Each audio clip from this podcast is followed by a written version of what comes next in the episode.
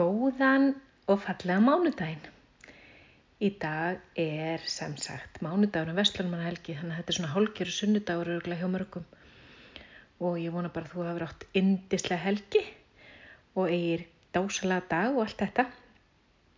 Mér langar aðeins að tala um svona stress eða svoleiðis eða kvíða fyrir því að eh, ef maður á að koma einhver stað fram eða fara að hitta einhvern eða tala með einhvern eða svoleiðis.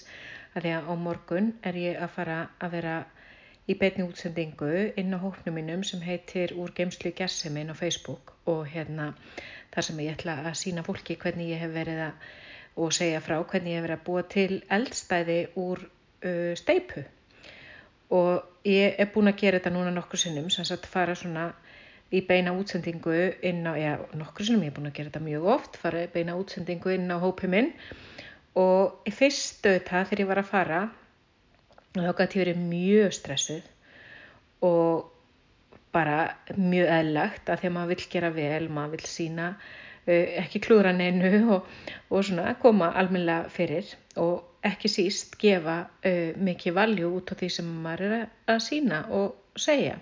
Maður vil ekki vera að eigða tíma fólks í einhverju vittlisu og hérna það var algjör breyting hjá mér eftir að ég fór að hugsa þetta á aðeins annan hátt heldur en vennilega.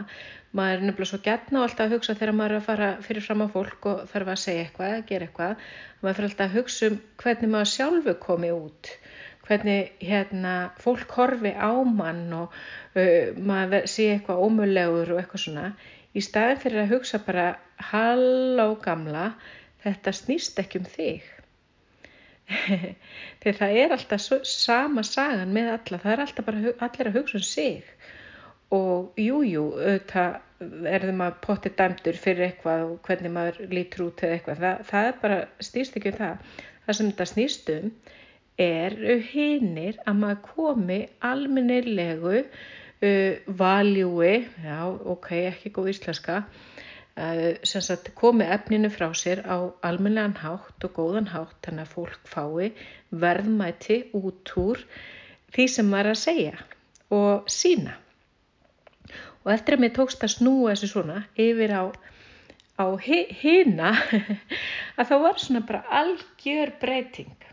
Þannig að mér langar að segja við þig, núna næst er að þú ert að fara að tala við einhvern, segjum að þú þurfur að taka samtal við einhvern eða hvort sem er starfsmannarsamtal eða, eða bara tala við e, nágranna um eitthvað eða hvað sem það er sem þú þurft að ræða eða jáfnveil að koma einhver staðar fram svona ofinbeglega eða hvað, hugsaði þá, þetta snýst ekki um þig, þetta snýst um hina. Hugsaði þá, hvernig getur þú komið sem mest um verðmættum til hinna sem standa og býða eins og svampar með að soga úr þér upplýsingar. hmm.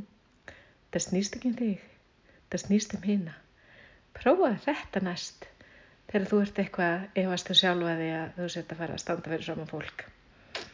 Gangið er svo bara ótrúlega vel. Ég vona auðvitað að þú verið með mér á morgun, þriði daginn klukkan átta inn á hópnum úr gefnsli gesemi og fylgjast með ef þú hefur einhvern áhuga á svona hvernig er hægt að búa til eldstæði úr steipu.